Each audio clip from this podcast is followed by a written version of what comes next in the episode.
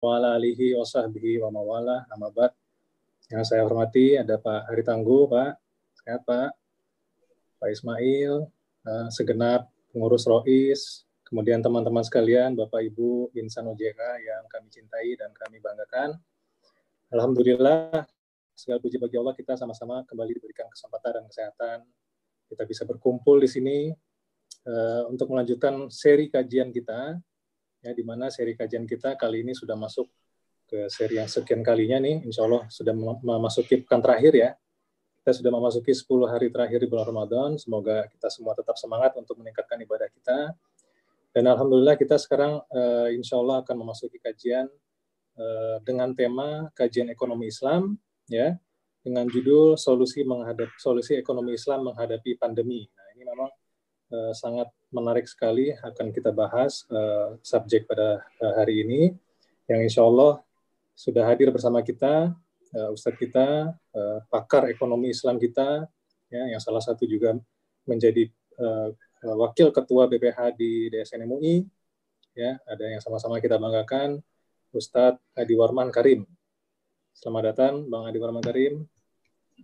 Sama-sama. Ya Baik, Bapak Ibu sekalian, eh, sebelum kita mulai, eh, ada sedikit saja yang saya ingin sampaikan terkait jalannya acara kajian kali ini. Insya Allah nanti pada saatnya eh, Ustadz Adi Waman Karim telah selesai menyampaikan kajian, kita akan ada sesi tanya jawab. Ya, di mana sesi tanya jawab ini akan kita buka melalui dua media ya. Media yang pertama kita bisa raise hand nanti, cuman ini nanti kita akan utamakan dan terbatas untuk satu orang saja Nanti Bapak Ibu dalam perjalanan kajian, kalau misalnya ada pertanyaan, silakan raise hand di situ. Yang pertama kali raise hand nanti akan saya kasih kesempatan untuk uh, melakukan pertanyaan. Kemudian yang kedua, medianya adalah melalui chat group. Silakan chat aja di grup uh, kalau ada pertanyaan. Nanti kita akan rekapitulasi dan kita akan sampaikan ke uh, Ustadz Adi Wahman Karim. Begitu saja uh, pembukaan dari kami tanpa uh, panjang lebar lagi. Insya Allah kita akan persilakan Ustadz untuk menyampaikan kajiannya Uh, nanti kurang lebih kira-kira uh, sisa 10 sampai 15 menit kita siapkan untuk tanya jawab Ustaz. Gitu mungkin dari kami kepada Ustaz Waman Karim, Fadol Maskuro. Silakan Ustaz. Baik, bismillahirrahmanirrahim. Alhamdulillah rabbil alamin. Allahumma shalli ala Muhammad wa ala ali Muhammad. Rekan semua, alhamdulillah terima kasih banyak dikasih kesempatan. Kita ketemu lagi di ini gelo ini udah udah bentar lagi finish ini Ramadan gelo gelo benar-benar harus kita manfaatin. Nah, tapi saya juga mohon maaf gak, bisa lama-lama ini karena ada Zoom. Sekarang zamannya Zoom back to back. Jadi ngatur-ngaturnya sedemikian rupa. Uh, jadi kita sebentar aja deh. Uh, mungkin nggak ada tanya jawab kali ya. Ntar tanya jawab belakangan deh. Uh, tapi yang pasti tetap ada kuis. Oke, okay, oke. Okay? Jadi yang bisa jawab kuis, nanti jawabnya lewat chat aja. Kirim ke admin. Nanti admin yang nentuin siapa yang menang. Tiap pertanyaan yang benar, gocap. Oke, okay, oke. Okay? Oke, kita mulai aja. Lima bab, ada lima bab. Kita mulai satu persatu. Bab pertama. Mau COVID kayak COVID kayak COVID kayak apa kayak namanya deh. Kita yang nomor satu, bab satu harus yakin bahwa ini semua terjadi ada yang ngatur namanya Allah. Dalam Al-Quran Allah mengatakan, Ma asobakum min musibatin illa biizni titik titik titik kalau bisa baca kalau bisa baca oke oke oke ma asaba bim musibatin illa biizni titik titik titik dan tidak ada satu musibah pun yang akan menimpa kalian kecuali dengan izinnya Allah. Oke oke, gocap kalau bisa jawab tuh. Biizni titik titik titik. Oke oke. Jadi semua ini yang ngatur Allah. Mau covid kayak mau apa kayak mau segala macam. Eh, udah kita yakin aja deh. Ada yang ngatur ini semua. Ada yang ngatur. Ada yang ngatur kapan datangnya. Ada yang ngatur kapan selesainya dan sebagainya. Allah yang ngatur semua. Sayyidina Ali bin Abi Thalib mengatakan ah, dua hal lah nggak usah khawatir. Pertama nggak usah khawatir mati gitu. Terus Sayyidina Ali nggak usah pikir-pikirin kapan mati. Bener gak udah ada jadwalnya mati.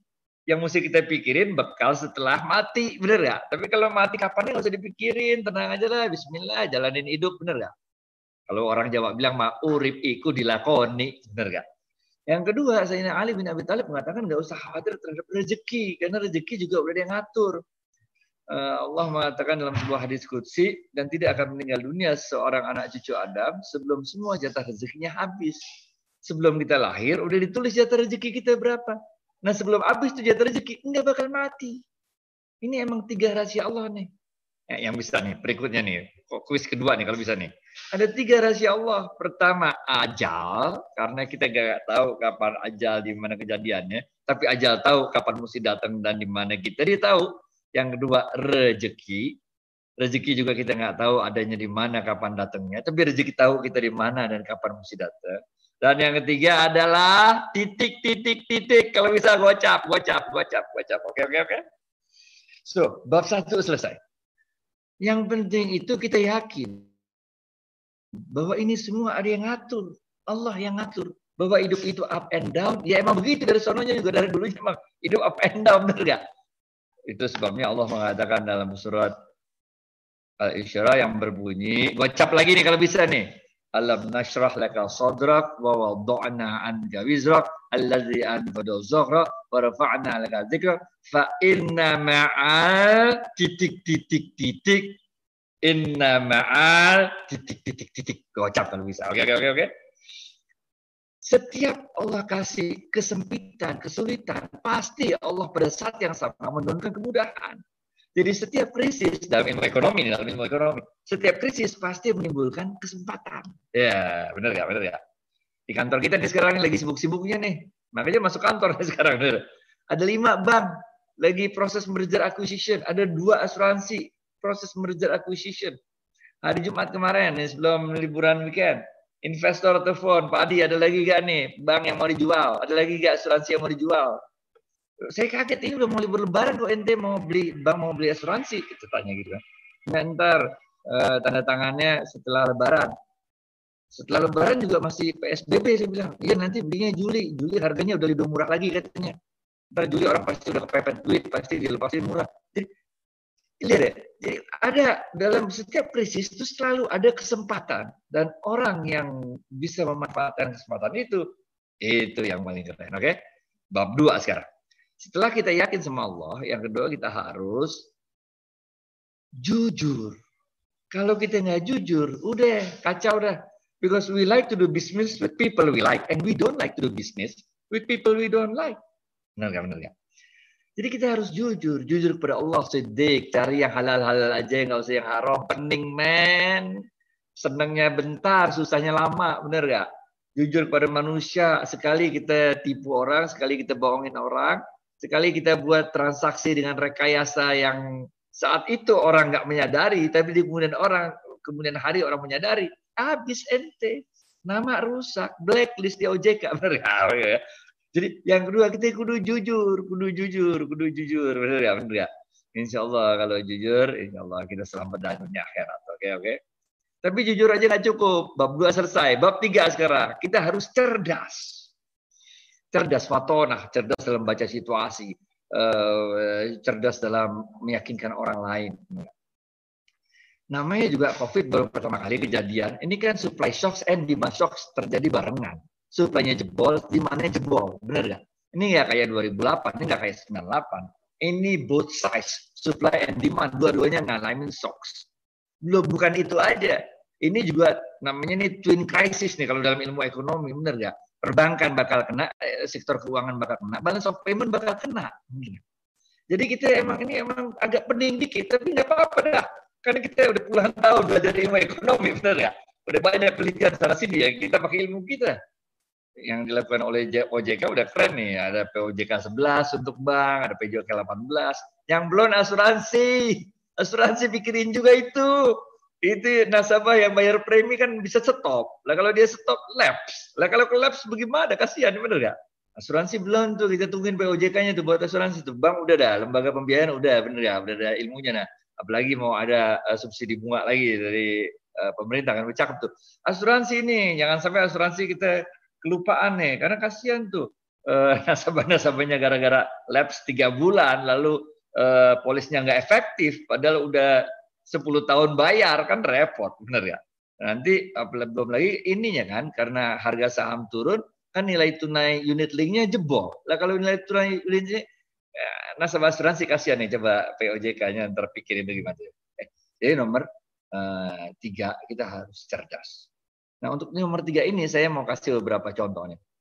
Di Amerika, eh, di Cina itu ada eh, teman-teman yang waktu kita buat riset ya, ada tiga strategi. Strategi pertama adalah strategi same product, different channel of delivery. Ada dua perusahaan yang lakuin ini sebagai contoh. Pertama Nike di Cina. Nike itu punya 7.000 uh, toko di Cina yang dia punya sendiri ya, eh, nggak termasuk yang franchise, nggak termasuk yang konsinyasi. Dari 7.000 toko itu 5.000 toko tutup gara-gara COVID. Penjualan drop habis-habisan. Karyawan dirumahkan Kemudian karyawan di dirumahkan ini dia bingung ngapain di rumah. Akhirnya ada satu orang karyawan, dia hubungin lah 10 sampai 15 orang pelanggan-pelanggan setianya Nike, lalu dia ajakin untuk olahraga barengan pakai Zoom. Jadi ada Zumba pakai Zoom, ada yoga pakai Zoom, ada aerobik pakai Zoom. Akhirnya eh, karyawan yang lain ikutan juga. Walhasil tiap karyawan itu merekrut sepuluhan orang untuk ikutan sama-sama Zoom olahraga di rumah. Walhasil apa? semangat orang untuk olahraga naik jam 8 sampai 10 barengan dia buat olahraga barengan di Cina itu Nike akhirnya permintaan akan sepatu Nike naik lagi kaos kaki celana olahraga baju olahraga ikat kepala olahraga naik lagi semuanya. Sehingga Nike produknya sama tapi dulu jual offline sekarang jadi online. Sales naik lagi. Yang kedua contohnya Universitas Zhejiang di Cina. Universitas Zhejiang di Cina begitu ada COVID tutup dosennya di rumah mahasiswa di rumah tapi dosen kan dosen tiap hari ngajar. Lah kalau suruh di rumah diem-diem doang dia kagak betah, benar gak? Sehingga dosennya mulai buat mata kuliah-mata kuliah baru. Hanya dalam waktu dua minggu, dosen-dosen itu bisa menghasilkan 5.000 mata kuliah baru. Gelo gak sih? Pada semua pada kerja di rumah, ditawarkan ke mahasiswa secara online. Untuk pertama kalinya, Universitas Jezia itu eh, mahasiswanya meningkat dengan sangat fenomenal melalui online, bukan lagi offline tapi online dengan mata kuliah yang sangat beragam ditawarkan secara online. Oke oke oke. Pertanyaan, perusahaan apa di Indonesia yang menggunakan strategi ini? Produknya sama, channel of delivery-nya beda. Yang tadinya jualan offline, sekarang jualan online. Oke oke. Yang bisa jawab gocap. Jawabnya di teks, jawabnya di teks. Oke, okay? perusahaan apa di Indonesia yang menggunakan strategi ini? Strategi kedua, strategi kedua adalah uh, different product, same infrastructure. Contohnya Louis Vuitton.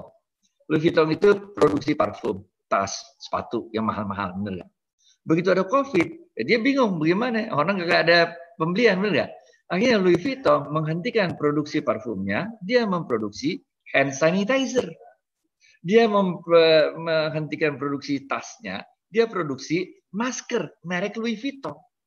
Orang kaya emang agak aneh-aneh dikit. Orang kaya emang rada aneh kelakuan, bener gak?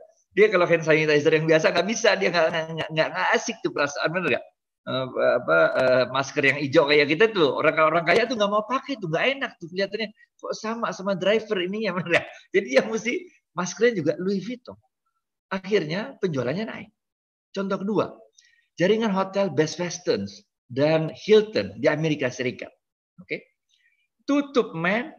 Lah, orang biasanya dia menyasarnya segmen bisnis, palingan nginep tiga malam atau segmen keluarga, palingan nginep lima malam. Sekarang nggak ada yang mau nginep, tut, hampir tutup, udah udah tutup. Lalu ada yang punya ide, mereka rubah segmennya, bukan segmen bisnis, bukan segmen uh, uh, keluarga, tapi segmen orang yang mau melakukan self isolation. Bukan tiga malam, bukan lima malam, empat belas malam, men. Nggak jadi tutup tuh hotel, bener gak? Keren gak? Keren gak? Keren gak? Pertanyaannya, gocap nggak bisa. Perusahaan mana di Indonesia yang menggunakan strategi ini? Oke, okay? gocap gocap. Jawabannya di teks. Jawabnya di teks. Oke. Okay? Strategi ketiga, same product, different infrastructure. Contohnya Amazon. Kita di rumah ngapain coba? Tadarus udah. Olahraga barengan Nike udah. Bener gak? Nonton Netflix udah. Ngapain lagi? Kita baca buku. Sehingga permintaan akan buku-buku Amazon naik tinggi. Tapi infrastruktur Amazon untuk melayani permintaan yang naik mendadak itu nggak bisa. Akhirnya Nike ngerekrut mantan-mantan eh, pegawai restoran, kafe, hotel yang dirumahin secara buruh harian lepas kalau bahasa Indonesia, bener gak? Akibatnya apa? Akibatnya dia bisa melayani permintaan yang begitu naik dengan cepat. Begitu juga dengan Walmart. Walmart itu tiba-tiba permintaannya meningkat. Antri orang masuk Walmart. Karena waktu kita di rumah kita mulai lihat nih rumah ini mesti dicat ulang nih kayaknya nih. Ini mulai ini nih, ini bikin kandang ayam sebelah sini, kandang kandang burung segala. Ide kita mulai muncul di rumah karena kita ngelihat rumah kita ada yang kurang-kurang. Akhirnya permintaan Walmart naik, tapi orangnya juga nggak cukup untuk melayani permintaan yang naik begitu dahsyat ya benar Dia rekrut lagi orang-orang hotel, orang kafe, orang uh, restoran untuk uh, bantuin Walmart melayani itu semua. Sehingga permintaannya naik dilayani juga dengan infrastruktur yang bisa uh, naik juga. Pertanyaan berikutnya nih, perusahaan mana di Indonesia yang menggunakan strategi nomor tiga ini? Oke oke, yang bisa jawab teks kocak.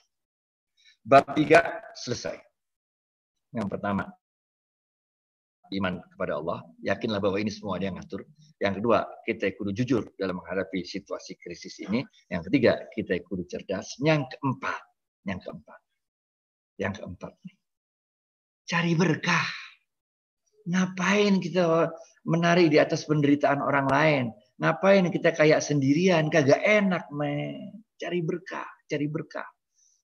Benar ya, benar ya. Ini penelitian dari Nielsen. Ini canggih nih, penelitian baru keluar bulan ini nih.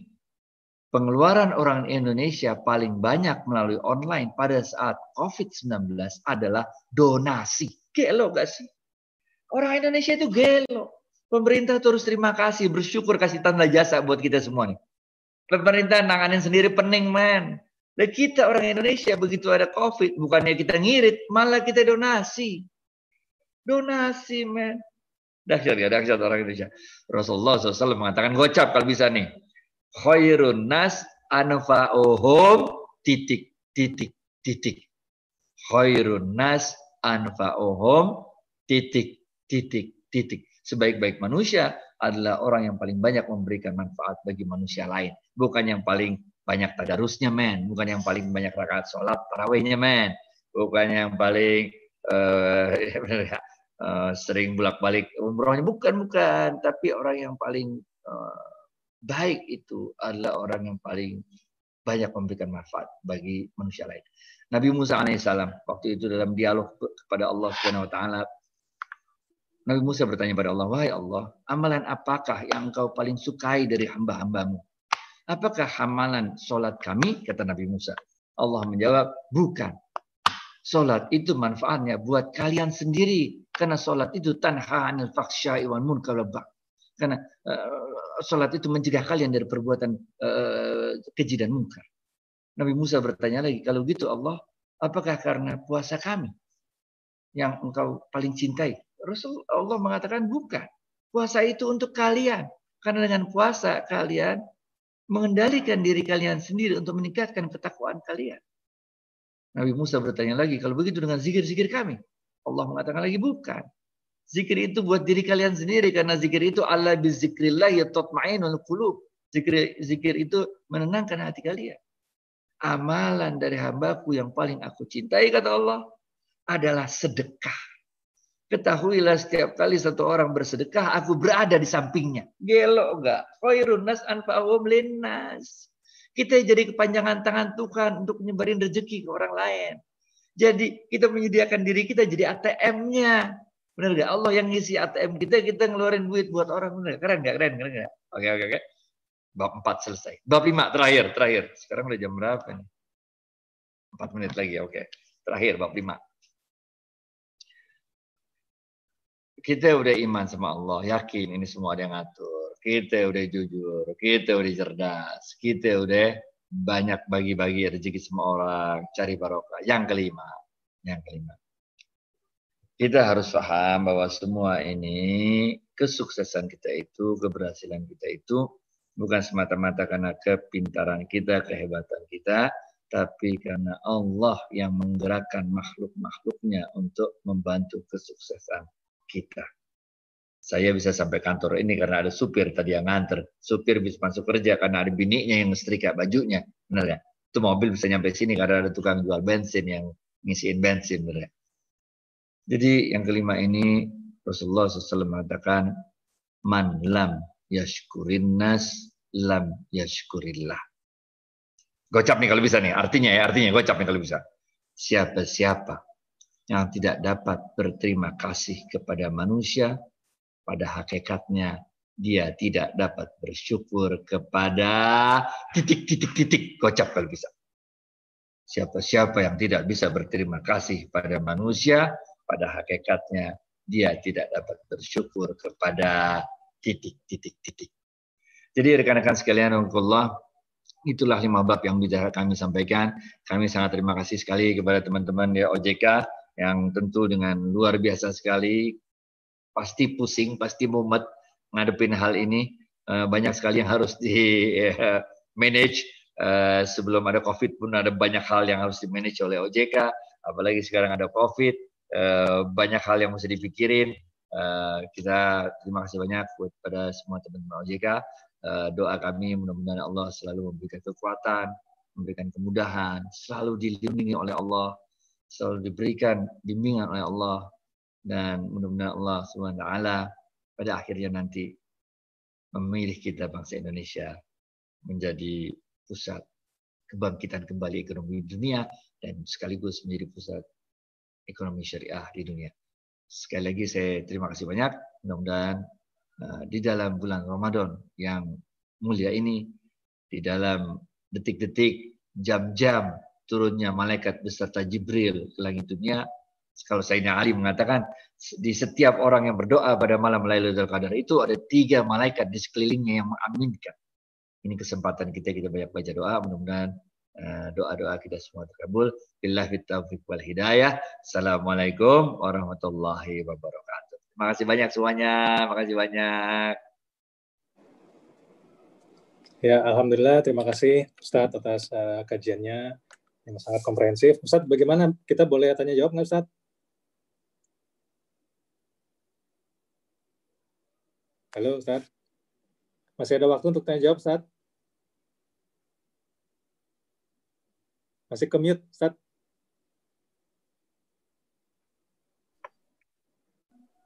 Nggak usah. Kalau sama OJK mah Berarti... yang bertanya lebih mengerti daripada yang ditanya. Jadi oh, usah. Justru lagi ada pakarnya nih kita pengen belajar nih Ustaz. terima kasih banyak, terima kasih banyak. Ya. Terima kasih banyak. Baik, terima kasih banyak Ustaz atas kesempatannya sudah bersedia meluangkan waktunya memberikan kajian pada kita semua. Eh, Alhamdulillah tadi sudah banyak insight yang sudah kita dapatkan. Ada lima bab yang sangat penting tadi kita perlu sama-sama camkan. Yang pertama, bahwasannya kita harus benar-benar yakin bahwanya uh, Allah itu sudah mengatur semuanya. Apa yang terjadi sekarang itu sudah diatur, sudah dicatat semua oleh Allah. Dan kemudian kita harus jujur menghadapi situasi yang sedang uh, kita hadapi sekarang ini. Dan kemudian yang ketiga, kita juga harus cerdas menghadapi situasi yang ada. Kondisi-kondisi yang ada sekarang itu kita harus punya eh, apa namanya kemampuan untuk memutar pikirkan pikiran kita ya untuk bisa memanfaatkan peluang-peluang yang ada. Kemudian yang keempat, jangan lupa ini juga sangat penting bahwa kita harus bisa mencari berkah di sini di balik eh, segala musibah yang kita hadapi. Justru di situ adalah kesempatan kita untuk bisa berbagi terhadap sesama. Sebagaimana sabda Nabi Muhammad, man apa, eh, apa eh, man anfa'um linnas, khairukum man anfa'um linnas gitu ya. Nah, itu eh, yang keempat, yang kelima adalah Eh, bahwa semua kesuksesan yang kita lakukan ini sebenarnya tidak lepas dari uh, Allah semua. Allah semua yang menggerakkan kita, yang memberikan hidayah kepada kita, dan kita harus syukuri itu semua. Nah, tinggal PR-nya nanti Ustadz, berarti nanti teman-teman yang sudah memberikan jawaban itu kita harus pilih nih, gitu kan. ya, yang paling cepat siapa yang tadi menjawab secara benar gitu ya. Ntar namanya saya tunggu sama nomor rekeningnya, ntar langsung saya kirim pakai Oke, oke. Okay, okay? Masya Allah. Sekalian saya pamit ya, pamit ya, pamit ya. Assalamualaikum ya, banyak, semuanya. Terima kasih Pak Adi. Bang Adi, terima kasih. Terima kasih banyak Pak Adi, Warman. Baik teman-teman sekalian, demikian kajian kita pada siang hari ini. Eh, semoga yang sedikit ini bermanfaat. Mohon maaf kalau ada segala kekurangan. Kita sama-sama baca doa kafaratul majelis. Subhanallah. Bihamdika. Ilaha anta astaghfiruka. Assalamualaikum warahmatullahi wabarakatuh. Waalaikumsalam warahmatullahi wabarakatuh. Terima kasih Mas Reza. Terima kasih Pak Joko. Pak Torik singkat banget ini.